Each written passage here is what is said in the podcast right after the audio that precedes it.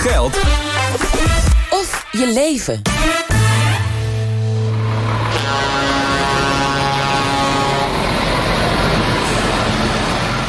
Ja, met de vlam in de pijp is het niet, maar dit geluid is binnenkort in veel binnensteden wel uh, verleden tijd. Uh, ronkende dieselmotoren of benzinemotoren van uh, vrachtwagens. 30 grote gemeenten gaan namelijk een verbod invoeren op vrachtwagens en bestelbusjes die op fossiele brandstof rijden.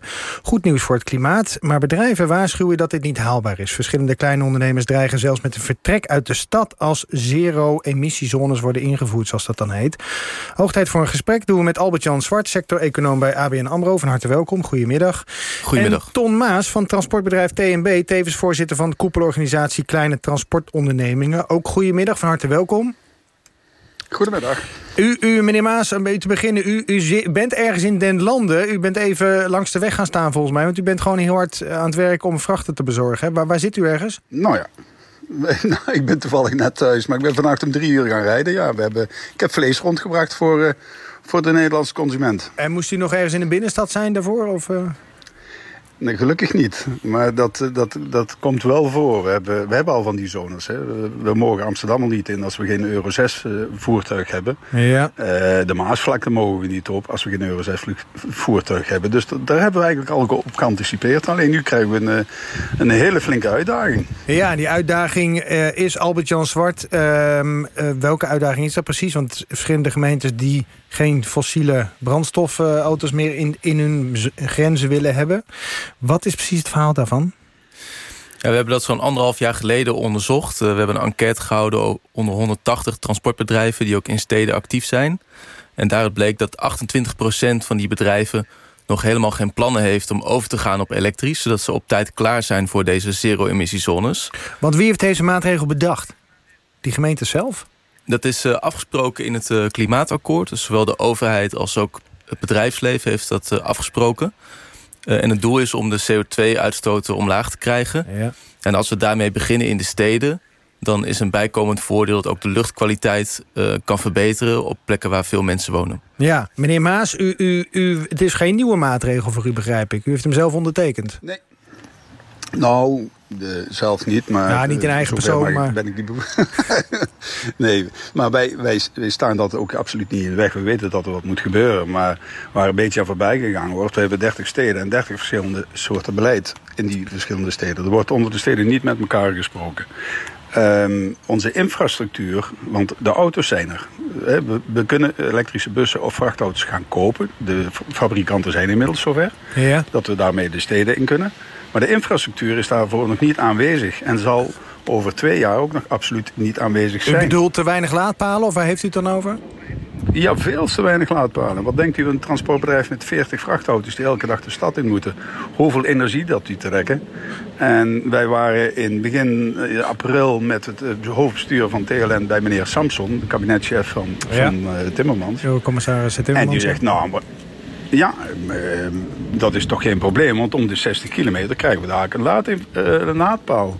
Ja, voor personenwagens. Hoe doen we dat met de vrachtauto's en met de bussen? Maar eventjes, even voor mijn beeld. Hoe, hoeveel fossiele uh, wagens heeft u nu rijden met uw bedrijf? Ik op het moment nog maar één. Ik heb er 40 gehad, maar ik heb er op het moment nog maar één. Ik, Ah. ik word 63. En dat is eigenlijk, vind ik wel heel fijn dat ik 63 word. Want er komt een flinke uitdaging op onze weg. Ja, u denkt, uh, laat maar met pensioen gaan. Ik, ga, ik, heb, ik heb deze uitdaging, nou, uh, laat ik even aan me voorbij gaan. Nou, ik, nee, want ik werk er ook aan mee en ik, ik, blijf ook nog wel actief. Maar dit zijn, dit zijn echt uh, uh, bijna onverkomelijke problemen voor de ja. kleine transportondernemer. Want hoe is het, is het veel duurder om een elektrische bestelbus of vrachtwagen te kopen dan een, uh, een fossiele? Een bestelbus weet ik niet, maar ik weet, ik heb een, een zware vrachtauto, een internationale vrachtauto. En dan moet Ja. je denken aan twee keer zo duur. Als je denkt aan 150.000 euro voor een normale vrachtauto, dan spreek je dan al gauw genoeg over 450.000 euro. Dat, dus, dus een elektrische vrachtwagen is twee keer zo duur als een fossiele? Juist. Oké. Ja. Albert-Jan Zwart, hoe, hoe moeten die ondernemers dat dan terug gaan verdienen? En misschien de, de eerste stap is, kunnen ze dat allemaal investeren? Ja, dat is wel een probleem, want uit ons onderzoek bleek ook... dat ongeveer een derde van de ondernemers aangeeft... dat de hoge aanschafkosten voor die elektrische voertuigen... dat dat de grootste belemmering is. Ja, dat kan ik me wel voorstellen als je twee keer zo duur uit bent. Ja, zeker. Het is wel beduidend uh, duurder. Uh, maar ik denk ook dat de wetgeving ondernemers kan helpen. Want op dit moment is het zo dat uh, de opdrachtgevers van de logistiek... bijvoorbeeld een supermarkt ja, dat die uh, bereid moet zijn om een meerprijs te betalen voor elektrisch transport. Op dit Oh. moment is het niet verplicht. Ja, en het is maar- dus maar de vraag of de opdrachtgever daartoe bereid is. Ja, maar dan, dan, dan moet ik meteen denken aan het gesprek wat we hiervoor hadden. Dat wordt dan netjes weer doorberekend aan de consument in die supermarkten. Ja, juist. Ja, dat zou eh, kunnen. Dat heb ik niet onderzocht, maar dat zou goed kunnen. Maar dat, dan is misschien een geruststellende gedachte dat de transportkosten ten opzichte van de totale kosten van het product vrij laag zijn. Is het eigenlijk Ja, een effectieve... spreken- eh, Kom zo bij u, meneer Maas. Is het eigenlijk een effectieve Ja. maatregel, meneer Zwart... De, de, de, de- dat die gemeentes dit verplicht gaan stellen? Helpt dat? Ja, ik denk dat het heel effectief is, omdat je dus eh, ondernemers dwingt om deze transitie te maken. En omdat de ondernemers ook tegen hun opdrachtgevers kunnen zeggen: kijk, de aanschaf van dit voertuig is zoveel duurder dan voorheen. Ik maak dus zoveel meer kosten.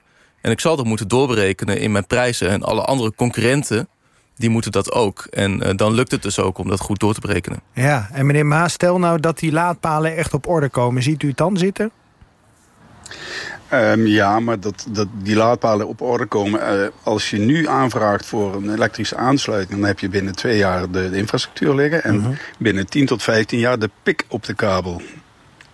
De wat op de goed, kabel? Binnen 10 tot 5 de pik op de kabel, de elektriciteit in de kabel.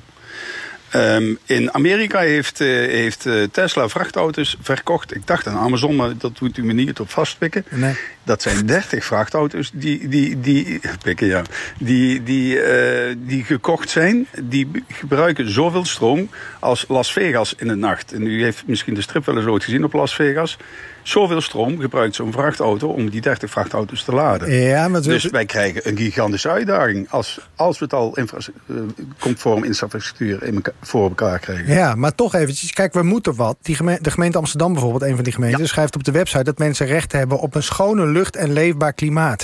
En daar moet deze maatregel bij helpen. En daar kan ik me ook nog iets bij voorstellen. Ook Ik bedoel, ik zie die bestelbusjes... Eigenlijk hele vieze, uitstotende busjes bij mij ook door de straat gaan, die pakketjes bezorgen. Ja, ik heb klopt. liever dat er een elektrische door de straat gaat straks. Nou ja, ik, ik denk dat je in andere oplossingen moet gaan denken. Dat je wellicht een, een hub moet gaan maken aan de buitenkant van, van de stad. Dat je eh, de binnenkant natuurlijk elektrisch gaat beleveren. Eh, En daar komen oplossingen voor, absoluut. Maar dat je dan gaat verzamelen. Dat je geen twintig busjes met één doosje door de stad moet gaan laten rijden. Dat je zoiets moet gaan bedenken. Maar dat is alleen voor het kleine courier, de courierswerk, het, het kleine bestelbusjeswerk. Maar wij Ja. komen met echte grote vrachtauto's in de stad. Met laadkranen daarop, met koelinstallaties daarop. Ja. Die eh, op, op, op, op diesel draaien of op fossiele brandstof draaien. Uh-huh. dat, dat, dat is een heel ander probleem. En die binnenstad moet toch beleverd worden. Ja, en wat wilt u hiermee zeggen dan? Nou ja, ik heb, wat ik eh, straks al aangaf, ik, ik heb met vlees rondgereden. En eh, als ik op de Jan Vergaderstraat in Amsterdam kom, Ja. dan, dan heb ik halve varkens erin hangen en, en onderdelen van de varkens. Die kun je niet zomaar in een hub overzetten eh, naar, een, naar een busje dat, dat staat in Nee, dus moet u elektrisch gaan rijden. Ja, dat klopt. Ja. Maar dan moet ik wel mijn auto kunnen gaan laden. En dan moet ik wel mijn Ja. auto ergens... En dan is de cirkel weer bijna rond natuurlijk. Maar u bent ook voorzitter dus van, zei ik al, van de koepelorganisatie Kleine Transportondernemingen. Ehm, he- hebben die er een beetje zin aan, deze transitie? Of, of zegt u van, dat gaat Nee. nooit gebeuren? Ik bedoel, oh, in 2025 moet het al ingaan eigenlijk. Ja. We hebben een sessie gehad in, op Zandvoort. Daar hebben wij eh, diverse elektrische producten eh, mogen kennismaken via de, de KTO van de Kleine Transportondernemer. En in de hele zaal hadden we ook iemand eh, uit het Gooi die al twee elektrische vrachtauto's had.